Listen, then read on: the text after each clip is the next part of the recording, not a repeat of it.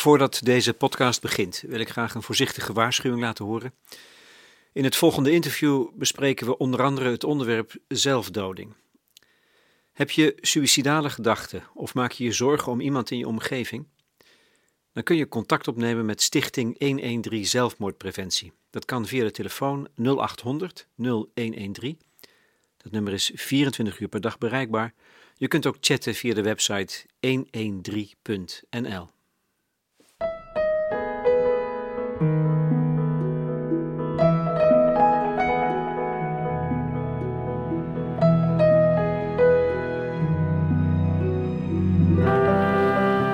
Goede gesprekken bij De Correspondent. Ditmaal met Anna van der Kruis over haar debuutroman 821 mensen die er ook toe doen. Genomineerd voor De Bronzen Uil. Ik ben op mijn zeventiende naar de kunstacademie gegaan. En uh, de schrijfopleiding in Utrecht was destijds de enige HBO waar je dat kon doen. Toneelschrijven, ik wist zelf ook niet wat het was. Um, maar ik hield heel veel van toneel. Ik speelde ook toneel op de middelbare school. En, en, en daar vond ik wel iets. Daar was ik iets of zo. Uh, dus ik ben dat gaan studeren. Maar eigenlijk vanaf het begin af aan lag mijn lat zo belachelijk hoog dat ik altijd bezig was met wat het niet was. Ja. Je bent vast niet de enige. Nee, ik denk het niet. nee. Ik denk dat als een soort nou ja, hedendaags, hedendaagse levenservaring. Hè? De lat ongelooflijk hoog legt. Ja. En je kan alleen maar falen. Ja, dat was gewoon. Uh, en dan vond ik iets heel goed. En dan, dan zag ik dat ik het gewoon aan het kopiëren was. Nou, dat vond ik natuurlijk helemaal stom. Dus uh, om soort je eigen stem te vinden ook. Dat is ook echt zo ongelooflijk. Uh, eigenlijk moet je gewoon heel veel kilometers maken. Dus ik, ik, heb het heel leuk gevonden. Mijn eerste theatertekst, echte theatertekst, die is uitgevoerd professioneel, was ook een boekbewerking. En dat was heerlijk. Ja. ja. Het is wel heel uitgespaard, zou je zeggen, uitgeloogd, tot de kern teruggebracht. Maar er zitten jaren in, denk ik. Ja, zeker. Ja ja, er zit heel veel uh, tijd en, uh, en, liefde in. Ik uh, denk altijd dat ik dat schrijven wat dat betreft gebruik om schoon te kunnen maken. Dat ik eigenlijk best wel veel tegelijk denk en voel en, en zie. En ik kan ook, je hoeft mij maar aan te zetten, ik kan ook goed kletsen. dus eigenlijk zo um, breed, sprakig, wijdlopig als ik in het dagelijks leven ben. Ik, dat is iets wat ik helemaal af tijdens het schrijven. Daar word ik heel kalm van. Dat, eigenlijk is het zoeken naar focus, denk ik. Ja, maar kalmte dus, inderdaad. Schoonheid. Je noemt het ook schoonheid.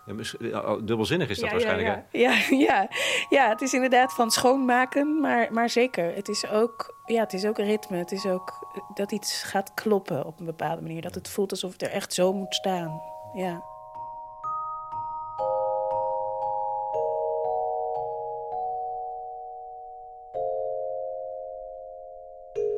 Anna van der Kruis heeft haar sporen verdiend in het theater. En dat is voelbaar in haar debuutroman 821 mensen die er ook toe doen.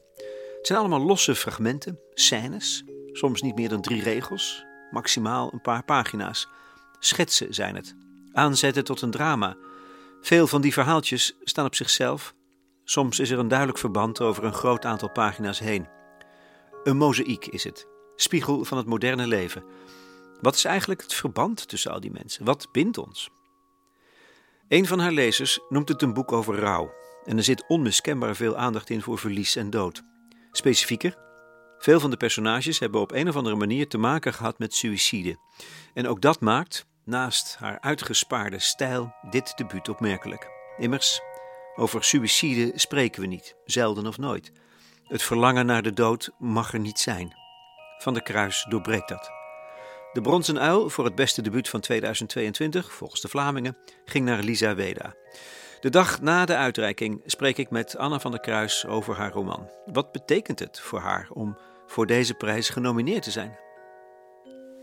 Uh, ja, super fijn vond ik dat. Het gaf het boek even een nieuw podium. Na ja, hij was in februari uitgekomen. En uh, dus het was een half jaar eigenlijk al uh, in de winkels. En eigenlijk ook alweer langzaam uit de winkels.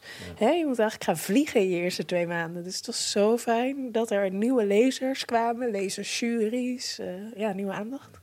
Want een debuut, als wat je zegt, dat kan dus ook heel snel weer verdwijnen. Dat lijkt me frustrerend. Ja, dan werk je daar eh, jaren aan en dan... ja, dan moet je toch een beetje het geluk hebben dat er een haakje is, dat er een radioprogramma is, een krant is, een, een, hè, iemand die dat oppikt. En vervolgens, ja, mensen kennen je niet. Het is ook logisch, je debuteert. Dus ehm, het is lastig om zichtbaar te worden. Ik geloof dat er anderhalf debuut uitkomt per dag in Nederland. Zie maar eens op te vallen.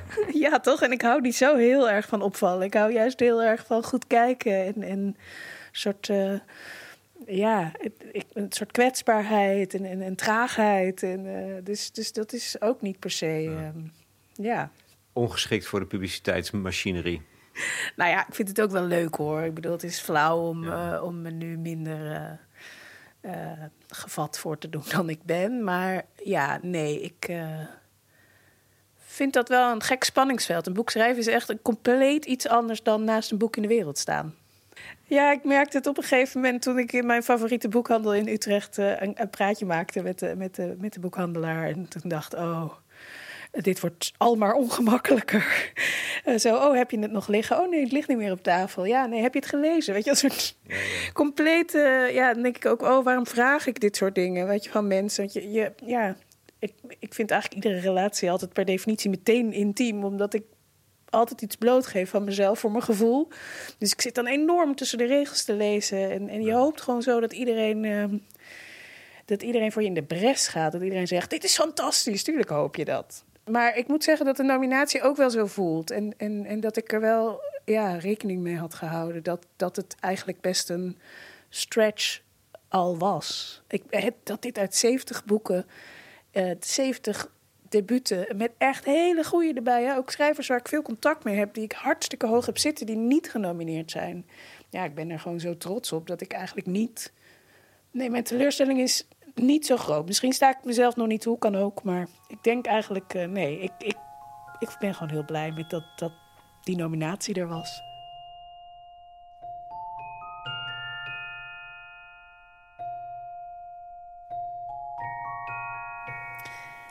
Ze wist dat ze een compromis was.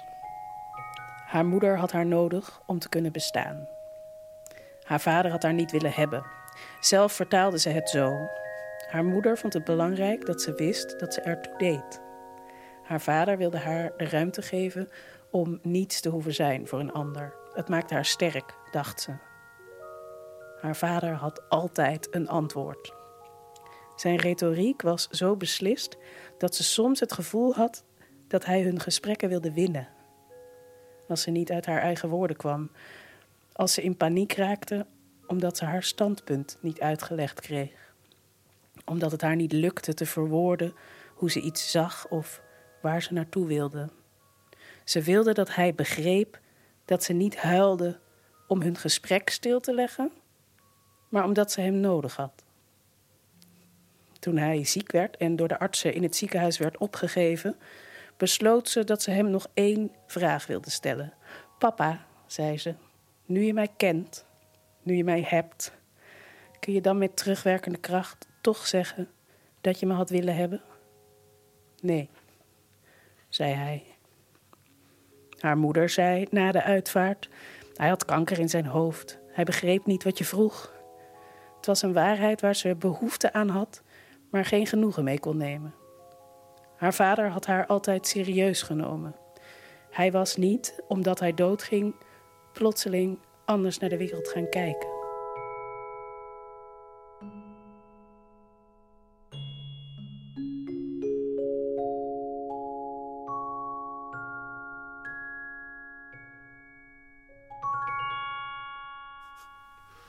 Je moeder kwam naar mij toe gisteren. Hè? Die zei: Dit is jouw geschiedenis. Ja, je had, Een, ja. een, een scherf autobiografie is dit. Je had het er feilloos uitgehaald, ja. Want ik heb niet, niet zoals de meeste van mijn eh, collega-debutanten... eh, eh, eh, mijn eigen leven ehm, heel zichtbaar door dit boek heen geweven. Dus eh, ja, sommige fragmenten gaan over mij. Ja. Het zijn er maar een paar, denk ik. Maar, of, of, of mensen die je kent trouwens. Veel. Ja, ja, ik heb ook interviews gedaan. Ik vond het heel belangrijk dat het dus niet alleen om mijn ervaring van eh, eenzaamheid of, of isolement zou draaien. Dat er, dat er verschillende lagen zouden zijn, verschillende ja, insteken. Dat het, want ja, vind het niet zo'n ego-document waarin dat alleen maar over mij gaat, dat, dat vind ik niet zo spannend. Ja. En dit, je hebt altijd geweten dat je vader je eigenlijk niet had willen hebben. Nou, dat is niet waar. Dat is een rare formulering. Hè?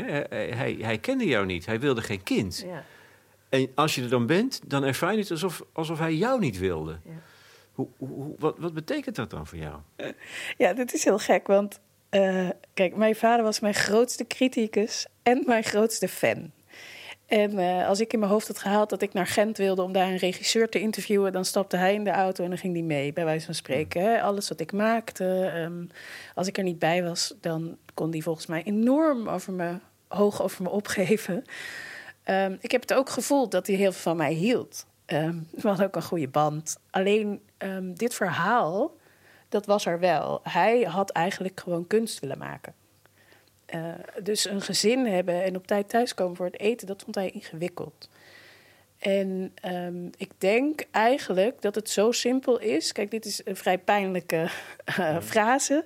Maar dat uh, het antwoord op de vraag letterlijk een antwoord op de vraag is. Het bestaat niet met terugwerkende kracht iets anders willen. dit was hoe hij in het, in het leven stond.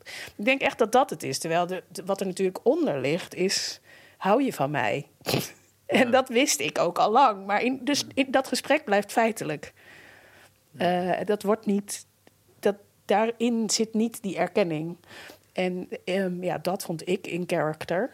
Want um, ja, er zat een soort eerlijkheid in mijn vader die soms gewoon heel pijnlijk was. Ja. Hij ging niet iets zeggen om de ander te pleasen. Nou, ik vraag me af hoeveel mensen zo die ervaring hebben. Weet je, dat is, dat is vast Heel niet. Veel, denk ja, ik, ja, Nee, maar dat is natuurlijk. Daarom is het ook van belang. Hè? Ja. Je bent niet de enige, denk ik. Nee, nee, nee, zeker niet. Nee, als ik dit soort, soort harde dingen durf te zeggen uh, in teksten, dan merk ik ook altijd dat dat inderdaad een gedeelde ervaring is. Dat er veel mensen op aangaan. Ja. ja. Je vader was fotograaf. Ja, klopt. Dat heeft jou geïnspireerd, notabene, dat is dan de andere kant, tot in dit boek. Ja, zeker. Ja, ja, ja. ja, ik, ja er zijn natuurlijk veel mensen om mijn vader heen die ook, zo, zoals mijn moeder, maar ook zijn broer, die hebben gezegd: uh, uh, hij heeft ons leren kijken. Ja, ja ik, ik, ik zou niet weten. Ik, ik denk dat ik als een fotograaf naar de wereld kijk. Ja. ja. ja. Zo ver gaat dat. Maar herinner je je een foto van je vader die je denkt: oh, die, die is me altijd bijgebleven? bijvoorbeeld? Um, ja, hij, tot mijn geboorte was hij autonoom kunstenaar en, en maakte hij vooral uh, grafisch werk, etsen. En, uh, dus ik, eigenlijk heb ik eerder de tekeningen, etsen, lito's in mijn hoofd, als je dat vraagt, dan de foto's. Um, fotograferen is wel wat hij is blijven doen toen hij toegepast ging werken als grafisch vormgever.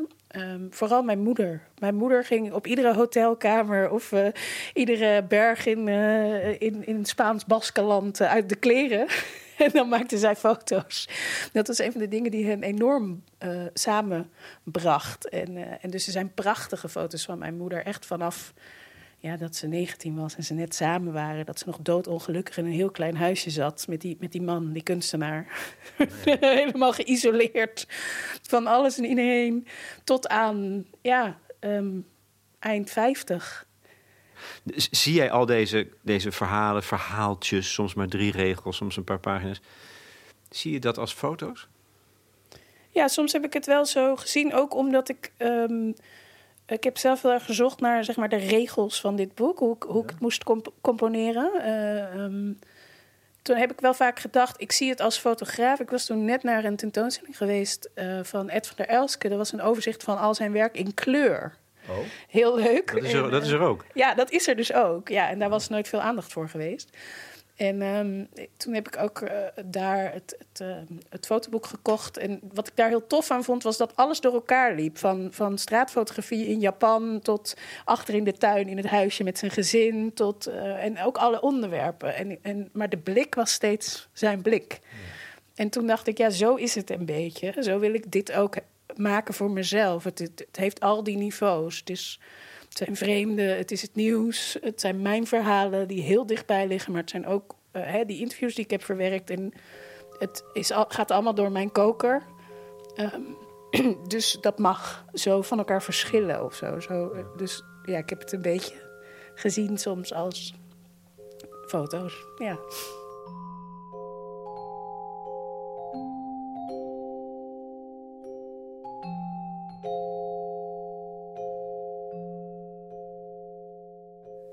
...821 Facebook-vrienden had ze.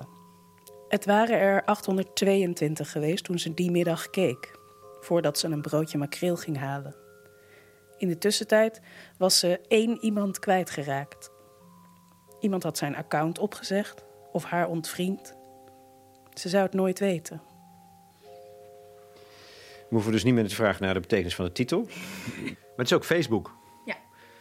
Dus dit gaat ook over hoe wij ons tot elkaar verhouden. vooral met sociale media en in sociale media, denk ik. Ja, zeker. Ja, weet je wat ik wel grappig vind? Ik ben van 1981.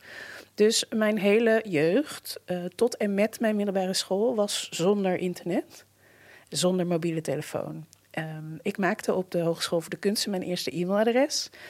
Uh, met het idee dat dat hetzelfde was als je postvakje, weet je wel? Dat dat alleen maar voor school was. Ik gebruik dat adres nog steeds, dus dat is heel grappig. Um, en ik ging uh, op mijn twintigste naar Engeland om daar een paar maanden te studeren. En toen hadden we net um, Hives, hadden we, maar we hadden ook uh, zo'n chatprogramma. Wat was het ook alweer? Nou ja, goed, je kon met elkaar chatten. En dat was uh, eh, MSN.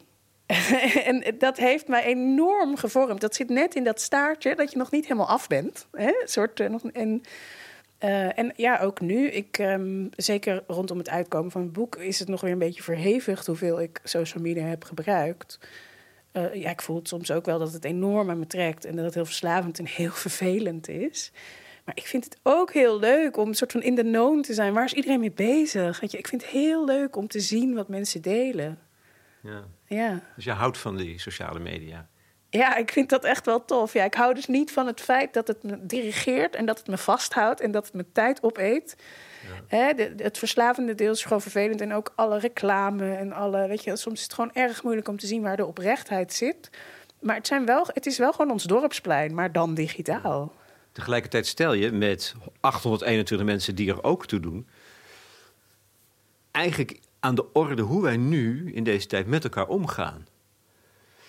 Um, en dat zit al in de constructie, dat het allemaal losse, losse stukjes zijn, die toch weer verband houden. Maar het zit hem ook in de verhaaltjes zelf. Hoe verhouden mensen zich tot elkaar? Um, ik ben geneigd om te denken dat wij juist door sociale media steeds minder goed elkaars nabijheid verdragen, als ik het even op zijn scherpst mag stellen. Nee, dat klopt. Dat is zo. Het, het, we hebben zoveel manieren om in contact te zijn. Uh, en eigenlijk voelen, eh, zijn we continu onszelf aan het zenden. Ja. En we voelen ons niet meer gezien. Omdat het zoveel is en zo vluchtig en zo. Um, ik denk dat. Kijk, Nee, omdat 821 mensen aan het zenden zijn. Ja, ja wie, wie moet er in godsnaam nog kijken? Ja, of luisteren, Lex. Dat is natuurlijk wat ik zo mooi vind aan jou, jouw werk. Wie gaat er nog luisteren? Ja. ja. Of lezen en eh, kijken. Ja, ik, ik, uh... Dus dit transformeert toch onze omgang met elkaar? Ja, zeker. Dat doet het. Maar ik denk wel... Ik, ja, ik zie de techniek dus niet... Dat is een cliché, denk ik. Maar als... Uh, iets goeds of iets slechts. Ik denk dat het. Het is echt hetzelfde als het marktplein. Het ligt eraan wat je ermee doet. Hmm. Um, en dus het kan ook hele goede dingen brengen. Dat geloof ik echt. En, um, ja. en wat dan? Wat, waar denk je dan aan? Nou, mensen die elkaar vinden op fora en uh, die bijvoorbeeld uh, juist daarom denken: Nou, vandaag blijf ik toch nog maar even leven. Want er zijn nog meer mensen in de wereld die zich zo voelen als ik. Uh, als het gaat over, over gender en, en dat soort dingen, over identiteitsvorming, is er natuurlijk zoveel meer herkenning over de hele wereld. Uh, hè, om, om, om te kunnen zijn wie je bent. En mensen kunnen elkaar vinden. En ja, ik zie daar wel heel veel schoonheid in. En ik vind het ook gewoon echt ontzettend leuk om. om hè, sommige mensen zenden dingen die ik graag wil zien. Want die zijn met mooi, moois bezig. Of die verhouden zich tot de wereld op een manier waar ik iets van kan leren. Of um, ik vind het ook mooi om te zien. Ik hou ook gewoon heel erg van gewone mensen. Ja. Het alledaagse. Ik vind het gewoon mooi om te zien waar mijn oude klasgenootjes terechtgekomen zijn. En dat ze een tenniswedstrijd hebben gewonnen. En, en dat ze na een vreselijke operatie weer helemaal functioneren. Het is ook gewoon, ja, ook daarin is het het dorpsplein waar ik van geniet op de een of andere manier. Maar ik moet ook echt eerlijk toegeven dat ik soms, juist de mensen die uh, veel op social media posten, als ik die dan in, in het echt tegenkom, als dat niet mijn intieme kring is natuurlijk, want dan is het puur een verlengstuk. Maar hè, dat wat daartussen zit, er zijn er die je eigenlijk niet goed kent, maar waar je heel veel van ziet. En als je die dan tegenkomt in het echt, ik heb dan de neiging om het te verstoppen. Ja. dus dat is wel heel gek. Dat je dan denkt, oh, ik vind alles van jou leuk en ik geef alles hartjes en ik reageer en ik heb helemaal. Maar het is inderdaad een soort fictief beeld wat je van iemand hebt. Het is alsof je een, een serie aan het kijken bent of een boek aan het lezen. Dus, dus als je die persoon dan in het echt ziet, realiseer je volgens mij gewoon fysiek dat je die persoon nooit ziet.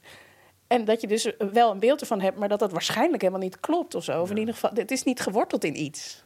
precies, dat. Het is niet geworteld. Het heeft niet kunnen groeien. Nee. En dat heb je dus voor, voor intimiteit en nabijheid en uiteindelijk liefde of vriendschap, heb je dat nodig. Tijd, groei. Ja. ja. Verworteling. Ja. Maar ja, het is wel de wereld waarin ik leef. Het maakt wel heel, een groot deel uit van mijn leven. En uh, ik las ook ooit iemands uh, afstudeerscriptie. Ze studeerde filosofie in Leuven. En dat ging over vloggen en over wat voor soort lichamen dat eigenlijk zijn als er geen lijf meer bij hoort. En, en, en uh, ja, hoe echt dat wel is voor uh, de mensen die dat aan het doen zijn. Dus ik vind dat ook gewoon heel intrigerend. Um, pagina 37 en 168. Een fragment over precies dat spanningsveld, wat er eigenlijk ook doorheen loopt voortdurend. Spanning tussen het verlangen naar intimiteit, naar de afstand overbruggen hè, met de ander. En, en de moeite die je hebt om, om die intimiteit dan ook vorm te geven. Ze lagen op het gras bij de zwemvijver. Allebei blote voeten, allebei op hun rug. Hun gezichten naar elkaar toe. Ze had een afgeknipte spijkerbroek aan. Hij een lange spijkerbroek met wijde pijpen. Er steeg een vliegtuig op. Ze lagen zo dicht bij het vliegveld dat het blauw van de lucht volledig gevuld was met wit. De motoren overstemden elk geluid. Ze had geen idee of ze nu verkering had of niet, hoe hij daarover dacht, of hij ook bij haar wilde zijn. Maar ze had nog nooit naar iemand zo verlangd als naar hem. En dan, 100 pagina's verder.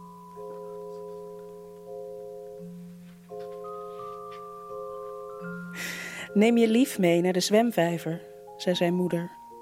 Er komen daar vliegtuigen over, zo laag dat je ze bijna aan kan raken. Was jij daar met papa? vroeg hij. Nee, met een vriendje van voor je vader. Of, nou ja, vriendje. Ik ben er toch een paar jaar zoet mee geweest. Met de vraag of hij dat zou worden. Godzijdank ging het voorbij. Ontmoette ik daarna je vader. Lekker dan, zei hij, als dat er voor jou in vast zit. Hoe romantisch is dat? Het is de meest romantische plek die ik ken, zei ze. Hier in de buurt dan. Hm, zei hij. Daarna haalde hij zijn schouders op, schoot zijn teenslippers aan en gaf haar een kus. Kijk, in, in deze uh, maak ik een soort hele grote sprong van, van iemand die eigenlijk zelf nog puber is naar iemand die een puberkind heeft. Ja. En, uh, en dat vind ik interessant, want ja, je wereld draait natuurlijk enorm als je een andere positie gaat innemen. En ik, ik vind het ook leuk dat romantiek niet voorbehouden is aan uh, dat wat gelukt is. Romantiek mag ook horen bij dingen die voorbij gaan of zo. Dat, dat was een van de dingen die ik hier mooi aan vond. Dat je als puber dan kan denken, ja, dat is stom. Iemand waarmee je uiteindelijk, mama, iemand met, met wie je uiteindelijk niet gebleven bent. Terwijl dat is natuurlijk een heel smal begrip van, van, van schoonheid en van romantiek en van. Hmm. Ja, betekenisvolle. Dat kan ook liggen in dingen die toch weg zijn gegaan, verdwenen ja, zijn. Juist, zeker zo'n relatie. Hè, in dat eerste fragment wordt gezegd... Zo van, ik, ze wist niet of dat, er, of dat ze nou verkering had of niet. Weet je, als zo'n zo'n relatie die eigenlijk nooit een relatie wordt... en waar je dan twee jaar lang mee bezig blijft. Weet je wel, daar zit het verlangen natuurlijk zo hevig in... omdat je eigenlijk geen ja zegt tegen elkaar. Ja, maar daar, daar, daarom vond ik dat, dat fragment zo betekenisvol. Weet je, ze liggen dichterbij kan je niet komen. Nee. En toch lukt het niet om die, om die brug te slaan. En ik denk dat dat heel veel mensen ook echt heel moeilijk vinden. Maar jij koppelt dat aan sociale media. Dat vind ik wel grappig. Of aan deze generatie. Want voor mij gaat dit fragment gewoon over, over mijn studententijd. En toen was dat echt nog niet aan de hand. Dus ik, ik was gewoon... Uh, hè, ook deze is vrij persoonlijk. Ik was met iemand die eigenlijk zich niet aan mij overgaf. En ik misschien ook niet aan hem. nee, nou ja, nou ja, je sprak je niet uit. Je durfde het niet te zeggen. Nou, ik, ik deed gewoon heel cool. Omdat ik dacht, uh, jij bent niet toe aan iets vasts. En... Uh, ik vind dit gewoon heel spannend en heel sexy. Dus I'm going with it. Ik weet natuurlijk ook wel dat het niet altijd evident is. Weet je, dat weet ik wel. Dat het spannend is in de fase van verliefdheid. Maar ik vind het ook een van de wonderbaarlijkste dingen in mensen dat wij allemaal verlangen naar en behoefte hebben aan liefde en nabijheid. En dat we het vaak ook het contact in de weg zitten, niet aangaan dat vind ik een raar soort spanning in mensen. Ja, we zijn gewoon zo. Uh, ik denk dat we zo slecht omgaan met, met onze pijn omdat we niet naar onze eigen pijn durven kijken. Is dat, is dat de bron, ja? Ja, dat denk ik. Dat denk ik. Ik denk dat mensen die, niet, die zich niet durven laten zien... die zijn bang, die zijn beschadigd. En, de, en dat zijn we allemaal op een bepaalde manier. Um, en dan kun je dus geen contact maken. En dan ben je dus een soort uh, act aan het opvoeren, ook voor jezelf. En heel, ja, ik denk dat heel veel mensen er de hele dag door aan doen zijn. En ik zelf ook vaak. Ik bedoel, hè, dit, ik, ik spaar mezelf daar niet in. Um, maar ja, mensen noemen mij ook wel vaak dapper. En, en dat is denk ik omdat ik inderdaad vaak probeer te oefenen om er wel mee te zijn. Ja. ja. Want dat kun je leren. Ja, dat denk ik wel. Ja, dat kun je doen en voelen dat je dan niet verdwijnt. Ja, door het toch gewoon te doen, hè? Je moet het, dat wat je, waar je het bangst voor bent, dat moet je toch gewoon doen. Op een of andere, ergens moet je de moed vandaan halen. Ja, en ik weet ook altijd als ik zo zelf... Ik doe nu bijvoorbeeld... Uh, uh, maak ik portretten van mensen in de GGZ. En dan uh, zitten mensen bijvoorbeeld in zo'n woongemeenschap. en dan denk ik van tevoren... oh jee, als ik ze maar niet als ik ze zelf maar niet wegzet op een plek van, oh jij hebt dit en dit allemaal meegemaakt en ik ga nooit snappen wie jij bent, want ik heb de context niet of ik heb de.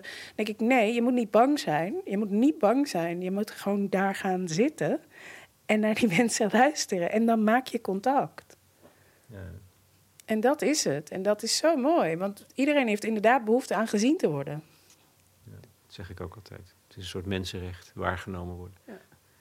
Ja, maar dat kan je dus wel ook zelf heel moeilijk maken door jezelf continu te verstoppen en ook niet te weten dat je dat aan het doen bent. Ik denk dat de manier waarop ik bijvoorbeeld geleerd heb om door te zetten als ik pijn had, om daar niet te veel aandacht aan te besteden, om dat te rationaliseren, om bij wijze van spreken een pilletje te pakken en hop en weet je wel, soort ja niet piepen, is een hele fijne houding om inderdaad je ambities waar te kunnen maken. En, en ik denk ook soms juist dat we nu wat te ver doorgeschoten zijn in hoe kwetsbaar iedereen is en hoe specifiek alles op iedereen afgestemd moet worden. Maar ja, ik vind het, het, het doorpakken en dus niet gezien worden in ja, de momenten dat dat even niet gaat, dat vind ik heel gevaarlijk.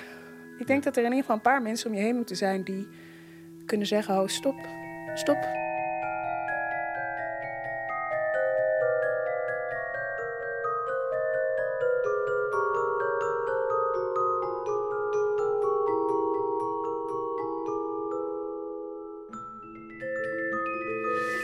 Wij moeten het, Anna van der Kruis, over de dood hebben.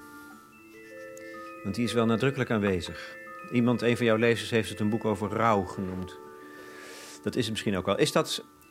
Kijk, als we het toch hierover hebben, over de moderne tijd, waarin wij proberen staande, ons staande te houden, dan worden wij geacht volledig verantwoordelijk te zijn over ons eigen leven. En uh, eigenlijk laat jij zien dat dat een illusie is, denk ik. Al is het maar doordat we doodgaan en dat mensen daar dus zich op een of andere manier toe moeten zien te verhouden. Ja, dat doodgaan is echt erg slecht te plannen. Ja, precies. ja. ja, dat, en dit, ik vind, bijvoorbeeld aan het feit dat mensen altijd zeggen... Uh, het was onverwachts of hij of zij was te jong. Dat zegt alles. Ja. soort, ja. Nee, het is eigenlijk niet onverwacht. Ik denk dat we meer kunnen oefenen met te weten dat, dat het er is, ja. eigenlijk. En soms vraag ik me ook wel af of dat heel verstandig is, hoor. Dat ik die neiging heel erg heb. Want ja, zolang je er niet mee bezig bent met de dood, is hij er ook niet natuurlijk. Dus als ik de hele tijd bezig ben met uh, mijn lief, die grapt wel eens, zit je weer suïcide-tv te kijken of kanker-tv. Of, uh, soms denk ik, ik oefen me helemaal surf, waarom doe ik dat eigenlijk? Um, maar ja, ik geloof wel echt in, um, ja, in toch het idee dat je je bewust bent. Misschien gaat het ook over dankbaarheid uiteindelijk. Dat je je bewust bent van wat je dus wel hebt. Nu. Ja. Ja, en dat... Ja, dat wou ik namelijk vragen. Wat geeft het jou eigenlijk, hè? Om, er, om er zo veel mee bezig te zijn? Kennelijk niet alleen in je boek, in je roman, maar ook in het dagelijks leven? Ja, ik denk dus dat het iets te maken heeft met ruimte maken voor de pijn, hè, waar we het de hele tijd over hebben. Um, ik denk ook dat het iets te maken heeft met, met mijn behoefte aan, uh, aan grip. Aan, uh, ik wil het eigenlijk wel bepalen. Ja. Maar ja, dat gaat niet. En uh, ja, ik, ik denk dat het, het durven of het kunnen stilstaan bij onze sterfelijkheid. Ja, het geeft het leven ook wel zin. Kijk, ik word ook heel chagrijnig van mensen die zeggen: Ja, ik hoop dat we straks die pillen uitvinden waardoor we eeuwig kunnen leven. Dan denk ik: Jeetje, nee, zeg, alsjeblieft. Mijn, mijn zoontje van zes die zegt elke avond tegen mij, Lex, elke avond, hè, anders kan hij niet slapen, zegt hij: Mama, vergeet niet dat er morgen weer een morgen is. Hij zegt het niet tegen mijn man, hij zegt het alleen tegen mij. Dus op de andere manier is hij uh, heel gevoelig voor het feit dat ik aan het einde van de dag altijd toch ook een beetje daarmee rondloop met dat helemaal vol zijn van alles en helemaal klaar zijn met alles ook. met de intensiteit van, van het leven. En ik vind het wel fijn dat je iedere dag weer opnieuw kan beginnen. En ik vind het ook fijn dat het ergens ophoudt. Ja, ja. ja want dat is eigenlijk. Ik begrijp die, die gedachte ook niet hoor. Was, hè, om eeuwig te leven. Dat, dit is, dat lijkt mij nou. Dat lijkt me de hel. Ja, toch? Ja. Oeh, Groundhog Day. Ja. En, en het is precies dat wat je zegt. Het geeft betekenis aan ons leven. Volgens mij heeft uh, een van die bekende psychiaters dat wel eens gezegd. Damian Denis. Ja. Het is precies de dood die betekenis geeft aan het leven. Ja. Want anders zou je niks meer doen. En omdat het eindig is, moet je nu de tijd gebruiken. Ja. Dus waarom zijn, we, waarom zijn we er zo bang voor? Hè? Ja, vooral inderdaad om, omdat het de illusie van maakbaarheid uh, stuk maakt. En, en ook wel omdat je, ik denk ik dus, uh, rouw is uh, zo individueel. En dat, um, kijk, ik ben dus best goed eigenlijk in contact maken doorgaans met mezelf, met de ander, met. Al, al, al, Als een open boek eigenlijk. Ja, ergens wel. What you see is what you get. Ja, ja. Um, maar in in verlies kom je er gewoon heel erg achter dat uh, iedereen iemand anders verloren is. Dat al die relaties uniek zijn. En dat um, is dus op de andere manier. Uh, dat is natuurlijk troostrijk, dat is fantastisch en, en mooi. En, en, en, en al die schakeringen. Maar het is ook heel eenzaam. Want je kan dat dus niet zo goed delen. Het is, het is lastig om. Ik herinner me dat ook heel erg van. Um, kijk, uh, ik ben enigst kind, dus we waren heel erg met z'n drieën. Uh, mijn moeder, mijn vader en ik. En toen mijn vader overleed, uh, waren we heel erg samen, mijn moeder en ik. En mijn vader en ik ook. En, en, en, en dat waren twee totaal verschillende werelden voor mijn gevoel. Um, en ik dacht, nou ja, dan, daarna zijn we dan ook samen in, ja. in dat leven zonder hem. En dat is ook zo. Alleen ik had echt grote moeite met ja, het ook daar weer toelaten hoe verdrietig ik was. Ik ging echt op de autopilot doorpakken en iedereen gunnen wat iedereen nodig had. Ja. En dat, ik denk dat het zo moeilijk is. Je leest dat ook wel veel, hè? Dat, dat, dat mensen die rouwen zeggen: Ja, ik krijg de hele tijd het gevoel van iedereen om me heen dat het nou maar eens voorbij moet zijn. Waar, waarom is het nog niet over? Maar het gaat helemaal niet over. En het, het, mag er ook gewoon zijn, weet je wel. Maar ja, we vinden het zo moeilijk om naast iemand te staan die pijn heeft. En je hebt gewoon pijn. Uh, het is, iemand noemde het, uh, ook een schrijver geloof ik, omgekeerde liefde. tuurlijk, hoe meer je van iemand hield, hoe meer pijn je hebt. En terecht, dat is ook zoete pijn op een bepaalde manier, want iemand was belangrijk voor je. Fragment. fragment, fragment. Pagina 25. Als ik daarom mag vragen. Het was vrijdagmiddag en bijna grappig, zo ontevreden als ze was. Ondanks de nieuwe jurk. Ondanks de nieuwe hoge hakken en de geschoren benen. Ondanks de zon die scheen en het feit dat het kon zomaar op een vrijdagmiddag op het terras zitten. De oud-klasgenoot die haar moeder had verloren, vertelde dat het beter ging en dat juist dat een beetje lastig was. Ze voelde zich sterker en straalde dat uit. Dat betekende dat ze ook meer belast werd. Vrolijk begon ze weer overuren te schrijven. En toen viel ze terug. Je moet zo duidelijk je grenzen aangeven, zei ze. Eigenlijk nog duidelijker dan in het begin, want dan is iedereen nog met je verlies bezig. Je kunt niet verwachten dat dat een half jaar later nog zo is. Een ander zei: Onze opleiding wil ik liever vergeten. Het is een zwarte bladzijde voor mij. Ze leerde vooral wat ze allemaal niet kon en vond geen enkel houvast. Ze leerde helemaal niet hoe ze moest focussen op het positieve. En toen gebeurde dat met haar broer. Haar ouders verstikten haar. Ze klampten zich aan haar vast, omdat zij de enige was die ze nog hadden. Ze was net op vakantie geweest en dat hielp een beetje. Even op een berg staan, een beetje afstand van alles. En perspectief, vulde iemand aan. Ja, precies. Het was maandagochtend. Ze zat stil, voelde zich wat minder jachtig en dacht: wat mooi was dat. Toen gebeurde dat met haar broer. ja. Weet je, het is een van die momenten waarop je verwijst naar suïcide. Ja. Het speelt door het hele boek heen. Soms dacht ik wel, hé, hey, dat, is het, dat is eigenlijk het onderwerp dat je aan de orde hebt willen stellen. Maar in ieder geval is het iets wat je aan de orde hebt willen stellen. Ja, dat is het zeker. Ja. Wat is, de, wat is je motivatie? Ja, het is een super complex uh, uh, onderwerp natuurlijk. Um, ik, uh, ja, ik heb ermee te maken in, in, in allerlei vormen. en uh, dichtbij, ver weg. ook, ja, ik denk dat we daar echt heel lang over zouden kunnen praten. Um, het, het, enerzijds heb je het abstracte idee. Uh, en ja. dat is de bijna theorie. Het niet meer willen leven als, als keuze. Het niet kunnen leven uh, als verzet tegen een bepaalde. Uh, um, nou, tegen het niet mogen zijn wie je bent, bijvoorbeeld, hè, van jezelf of van de ander. Of, uh, dat is iets wat mij, wat mij raakt, wat ik herken. Wat ik ook herken in, in een, een, uh, het leven van iemand die niet suicidaal is. Omdat ik dus niet suicidaal ben. Um, heb ik wel diezelfde soort emoties. Uh, tegelijkertijd vind ik dit heel gevaarlijk om te zeggen. Omdat ik daarmee iets van mij maak wat niet van mij is. Ik zeg bijna van... ja, dit hebben we allemaal. En dat is ook zo.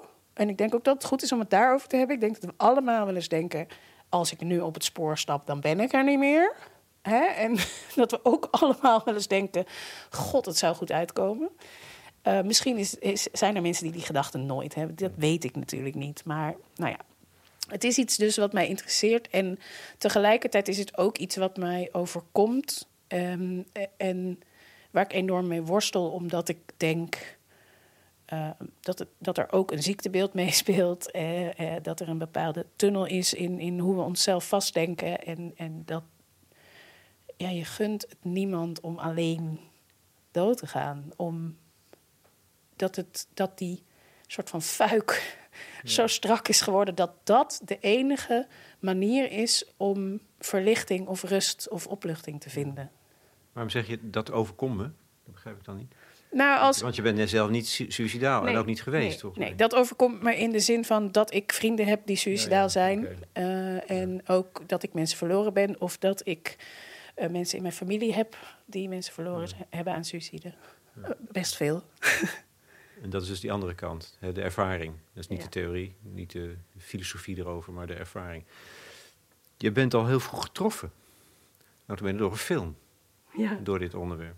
Ja, ja, dat, uh, ik, ja ik, ik weet dus niet precies hoe oud ik was. Maar in mijn herinnering was ik erg jong. Was ik denk ik nog, nog zelfs basisschoolleeftijd. Misschien net middelbare. Um, zat ik in de woonkamer met mijn ouders. Uh, we keken naar Dead Poet Society. Beroemde film. Robin Williams. Robin Williams, ja. Over, uh, over het schoolsysteem in Engeland, uh, over repressie uh, en over poëzie. En poëzie is de oplossing. En, en, en de leraar zegt: ga op tafel staan en declameer. En een van de jongens, Neil, een mooie, prachtige prachtige jongen met van die jukbeenderen waar je helemaal... Uh, nou ja, ik ga daar heel goed op. en uh, hij uh, met zijn met zijn met zijn Britse kostschooljasje en zijn... hij, hij ontdekt niet alleen de poëzie die ze s'nachts in een soort rare grot met elkaar lezen. het poëzieclubje. Maar ook toneel. En hij staat op het toneel en daar is hij zichzelf. En, dan, dan, en daar voelt hij dat hij leeft. En dan op een gegeven moment ehm, hebben zijn ouders dat dan gezien... En dan zegt zijn vader: Ja, maar dit mag je gewoon. Dit, je denkt toch niet dat je dit kan doen met je leven? En dan uh, weet hij waar het pistool van zijn vader ligt. En uh, schiet hij zichzelf door zijn kop. En ik. Vrij snel daarna is de film afgelopen volgens mij. En ik was echt. Ik was zo uh, geraakt. Ik heb echt het idee dat ik daar een soort um, bijna drugservaring had. Omdat ik, ik weet nog dat mijn vader me iets vroeg. En dat, ik was zo boos dat hij ook die uh, realiteit doorkruiste met... Ik zou niet meer weten wat het was, maar ik wilde niet praten. Ik, ik, was, ik was echt ergens anders. Ik was enorm... Uh, dus ik ben Tot in je ziel geraakt. Ja, ik ben de kamer uitgestormd en, en in de keuken op de bank gaan zitten. En, ja, dat heeft heel veel indruk op me gemaakt. ja. ja.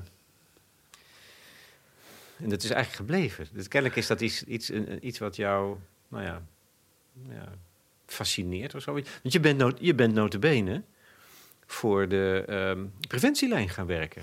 Ja, toen, uh, toen was ik zwanger en... Uh, Goed moment ook, ja. Ja, ja. Nou ja, blijkbaar was ik heel erg uh, overtuigd van mijn levendigheid op dat moment. En, en mijn reproduceerbaarheid en mijn, mijn kracht om om er te zijn voor een ander. Ik ging naar het museum tot zover in uh, Amsterdam, het Uitvaartmuseum. Uh, daar was een tentoonstelling over suïcide. Dus ja, dan ga je, want dat interesseert mij. Ja. Uh, er hing prachtig werk van David van Rijbroek. Teksten over jongens in, in West-Vlaanderen ja, en de ouders, de achterblijvers van die suïcidegolf daar. Um, en er was een filmvertoning uh, van een documentaire, Strohalm heette die. En um, daar had de documentairemaakster, uh, was er achter gekomen dat een van haar allerbeste vrienden suicidaal was. En dat wist ze eigenlijk niet, tot dus dat ze erachter kwam. En um, dat is een hele toffe documentaire in de zin van het echt ontluisterend. Ook iemand met jonge kinderen die, die had gedacht: als ik dan kinderen krijg, dan gaat dat weg, want dan heb ik vervulling. En de arts had al gezegd: Nou, meestal niet. En die wilde dus nog steeds dood. Ja, dan, dat is zo pijnlijk, want je hebt jonge kinderen, je bent verantwoordelijk en ook gelukkig daarmee. En toch wilde zij nog steeds dood. En dat was echt heartbreaking. En um, er was een nagesprek na die film en daar werd gezegd: één op vijf mensen in Nederland denkt aan suïcide um, of doet een poging. En toen dacht ik: ja, maar jeetje, waarom weet niemand dit? En um, ja, daar, daar was eigenlijk uh, de oproep ook van, van wil je vrijwilliger, dan kan je je aanmelden. En uh, dat heb ik toen gedaan. Wat heb je daar geleerd? Um, luisteren, doorvragen. Ook, ook, uh... dat, dat is dus misschien, ja, het is zo, je zegt zo simpel, luisteren, ja. Maar dat is misschien wel dus, ja, het allerbelangrijkste. Omdat we het niet willen horen. Ja het mag geen uh, oplossing zijn. Want het, het, is onomkeerbaar, dus het is geen oplossing. En, maar dan ben je al in je eigen hoofd als je dus zegt: het is geen oplossing. Want voor die ander is het dat wel degelijk. Het is een oplossing voor een probleem. Nee, maar je wijst, als je niet wil luisteren, eigenlijk iemand dubbel af. Hè? Ja. Als hij, want die, heeft al, die wil al niet leven. En dan zeg je ook nog eens: ja, je mag met dat gevoel niet leven. Ja, absoluut. Ja, dus, en dat hoor je natuurlijk ook heel veel van hulpvragers. Hè? Dat. dat het feit dat je kan bellen uh, of chatten en dat er dan iemand is die gewoon luistert, dat dat zoveel helpt. En dat, is, uh, dat, dat je daar anoniem bent, is ook heel erg prettig. En um, ook voor de hulpverleners, zeg maar, voor de vrijwilligers. Um, Het is een heel mooi systeem. Dat je eigenlijk niet afhankelijk van elkaar bent. Dat je elkaar niet kent. Dat je, uh, en, en er werd tegen mij ook vaak gezegd, dus in die lijnen van... Jij bent de eerste die echt naar me luistert. En dan dacht ik, ja, dat kan niet. Dat kan niet. Maar goed, zo voelde dat op dat moment in ieder geval. En mensen hadden vaak ook hele historie met hulpverleners. En hulpverleners die zeiden: als jij suicidaal bent, dan stoppen we de behandeling. Wat ik echt, wat me echt woedend maakt. Want ja, dan zet je iemand dus weg. Dan is er dus ook geen optie meer. Dan ben je ook klaar. Maar voor de hulpverlening mag suïcide geen oplossing zijn. Nee. En daar loopt dus iets vast dan? Nee, nee, dat is inderdaad... Je moet denk ik geloven, ook als hulpverlener... dat er een andere manier is. En, maar dat is natuurlijk dubbel, want... Uh, ik denk dat daar de spanning zit, waar we het eerder ook over gehad hebben, over doorpakken of kwetsbaar zijn. En, en dat gaat hier ook over. Je mag er niet overheen over dat gevoel. Je moet het eerst honoreren, het moet er eerst mogen zijn, je moet er eerst naar kunnen kijken. En dat zonder oordeel. En dat kan je makkelijker als je anoniem bent. Als je geen relatie hebt, als je geen belang hebt, geen verstandhouding. Dus daarom snap ik nu waarom je zegt dat het zo belangrijk is dat je anoniem bent. Ja, dat is echt heel fijn. Ja, je hebt heel weinig informatie en dat is prima. Dat is. Uh, een van de gesprekken die ik me heel goed herinner is iemand die in een speeltuin stond met zo'n hele hoge adem. Ik weet wel dat ik telefoneren soms wel heftiger vond dan chatten. Omdat je met dat chatten moet je ook even wachten tot iemand getypt heeft. heb je wat meer rust. Ik kan heel ongeduldig zijn en, en veel te snel denken en veel te snel uh, wat moet ik doen, wat moet ik doen, wat is het protocol, hoe... Weet je soort... Het is heel belangrijk ook dat je die rust gewoon bewaart en dat je het gewoon bij de ander laat. Weet je wel. En dan um, afscheid nemen, het kort houden ook, want je helpt iemand er niet mee als je daar uren mee gaat zitten. Uh, afscheid nemen en ook niet weten of dat dan geholpen heeft. En gek genoeg vond ik zelfs dat heel erg prettig, juist in alles uh, wat je allemaal wil bewijzen of wil halen of wil hebben. Alles moet meetbaar zijn. En dit is niet meetbaar en dat is oké. Je weet niet of je hebt kunnen helpen. Maar je hebt in ieder geval ruimte gemaakt. Mooi. Bijzonder. Nou heb je, zei je dat je het ook eh, in je omgeving hebt meegemaakt heeft het je ook geholpen, dat vrijwilligerswerk, om te verwerken? Want het is zo gruwelijk moeilijk voor nabestaanden die eromheen hebben gestaan en, en getroffen worden door gevoelens van, vooral ook van schuld volgens mij vaak, en woede. Ja. Grote woede. Uh, er zijn mensen die suïcide beschouwen als een agressieve daad. Ja, egoïstisch. Egoïstisch, ja. ja. ik denk wel dat ik daar zachter in kan zijn. Dat ik het in die zin ook wel kan zien als, ja, voor mij is er weinig onderscheid tussen onder een tram komen, kanker krijgen of suicidaal worden. In die zin hm. uh, ben ik niet, nee, heb ik daar geen oordeel over. Um, ik denk dat ik me ook wel iets minder schuldig voel. Ik heb dat wel gehad. Dat ik de hele tijd denk dat ik alles voor iemand moet zijn. Ja, um, en iemand niet in leven kunnen houden. Ja, precies. En je weet ook het, dat het inderdaad wel bijzonder is. De manier waarop ik me kan verbinden aan iemand en de manier waarop ik naar iemand kan luisteren. Ehm, ik herinner me een telefoongesprek met dus een vriend van mij die er niet meer is door suicide. En het was een nachtelijk telefoongesprek en dat duurde uur, uren. Ik weet het niet, waarschijnlijk was het drie kwartier, maar lang. En we lagen in bed, uh, ik en mijn lief. Dus hij lag ernaast en ik hing op en die zei: Jeetje, hier zou jij voor betaald moeten krijgen. ja, ik, ik, ik, ergens denk ik dus soms ook dat ik het verschil kan maken. Omdat ik dus wel merk dat het bijzonder is om eh, ja, echt naar iemand te willen kijken. Het echt te willen aanhoren dat iemand dat niet wil. Zonder dat je denkt, dat klopt niet of dat mag niet. Ja, en dus toen ik hoorde dat deze vriend eh, er niet meer was, dacht ik ook, ja, ik heb genoeg gezien hoe moeilijk jij het hebt gehad en hoe het een self-fulfilling prophecy kon worden. Zo een van de dingen die hij ooit zei was... Uh, ik heb twee weken niemand uh, opgebeld... want ik wilde eens kijken of er dan iemand was die mij zou opbellen. en toen had er één iemand gebeld... en die wilde hem iets verkopen. Nou, en toen ben ik zo boos geworden. Toen dacht ik, gas, als je contact wil, maak dan contact, weet je wel.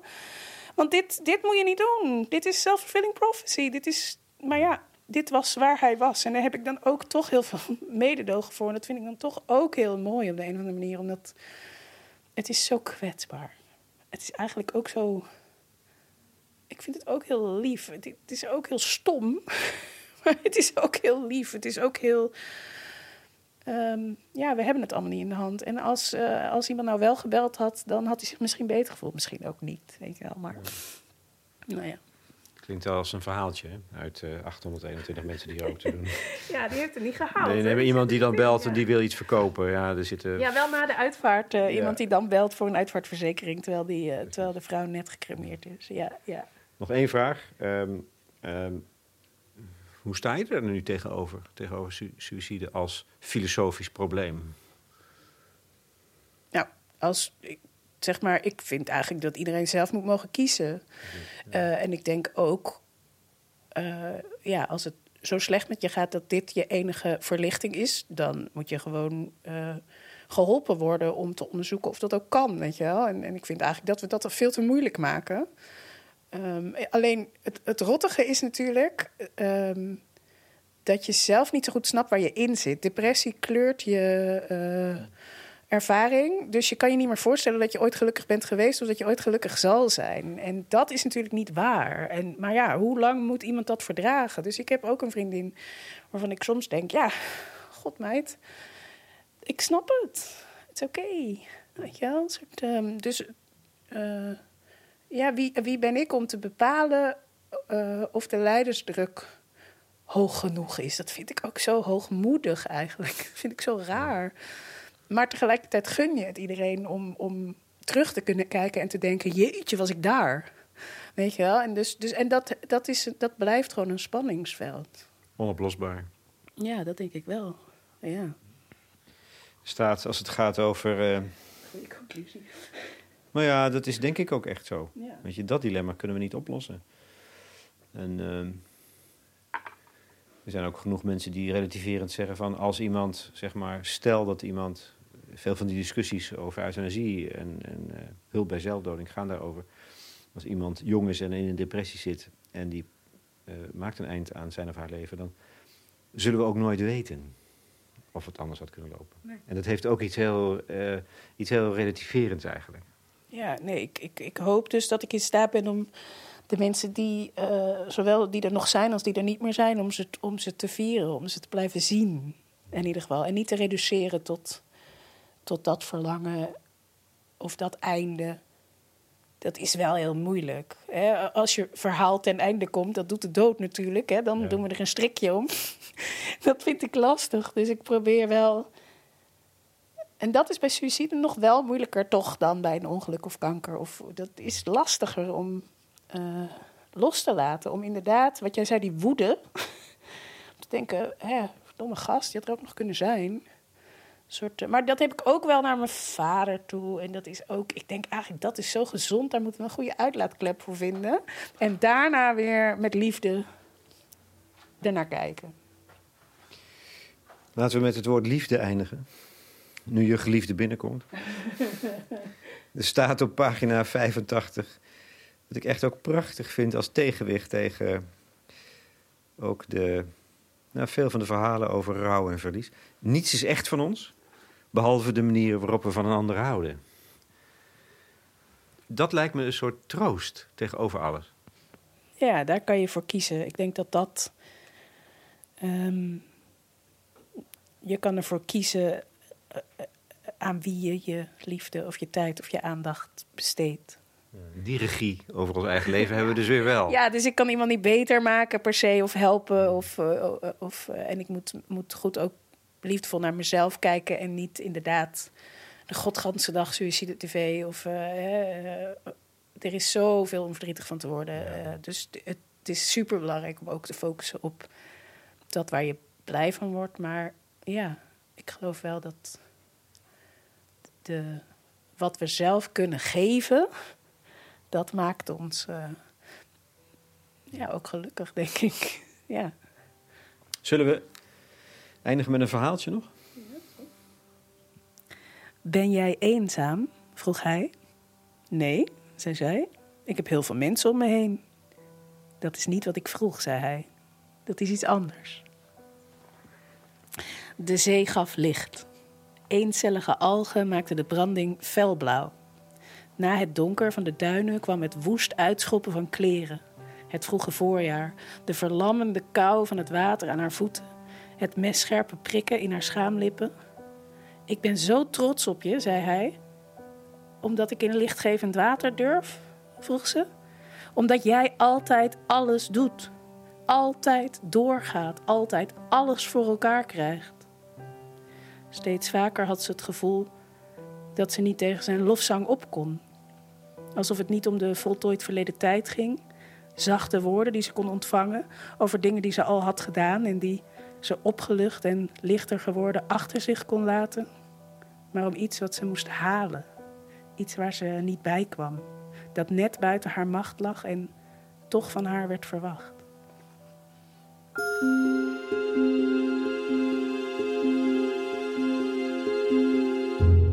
Anna van der Kruis in gesprek met Lex Bolmeijer voor de correspondent over haar debuutroman 821 mensen die er ook toe doen. Het boek is uitgebracht door uitgeverij Orlando. Het stond dus op de shortlist voor de Bronzen Uil, beste debuut van dit jaar in Vlaanderen. Die prijs werd gewonnen door Lisa Weda voor haar roman Alexandra. Ik kan me voorstellen dat dit gesprek de behoefte heeft opgeroepen om te praten over zelfdoding. Dat kan. 24 uur per dag bij de landelijke hulplijn 113 zelfmoordpreventie. Het telefoonnummer is 0800 0113 en je kunt ook de website gebruiken 113.nl. Leden van de correspondent kunnen met elkaar in gesprek op onze eigen site. Je bent al lid voor 9 tientjes per jaar en daar krijg je dan een jaar lang kwaliteitsjournalistiek voor voorbij de waan van de dag. Voor de muziek tenslotte maakte ik dankbaar gebruik van een nieuwe cd van Celia Garcia Garcia, die stukken uit het romantische repertoire speelt op Celesta. Ach, ik vind een hele mooie verzameling speeldoosjes. Voor het noodzakelijke gevoel van onschuld.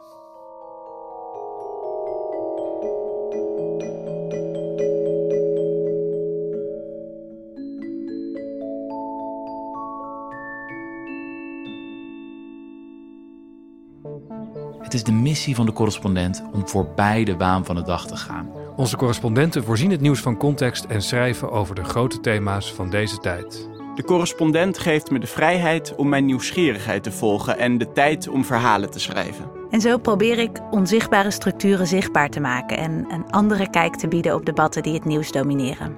Dan gaat het minder over het spelletje en veel meer over wat er op het spel staat. Vanaf dag 1 zijn onze artikelen, boeken en podcasts gefinancierd door onze leden. Volg ons op onze journalistieke zoektocht. Overweeg eens lid te worden van de correspondent. En maak daarmee samen met ruim 70.000 anderen onze onafhankelijke journalistiek mogelijk. Dus word lid van de correspondent. Ja. Word lid. Word lid.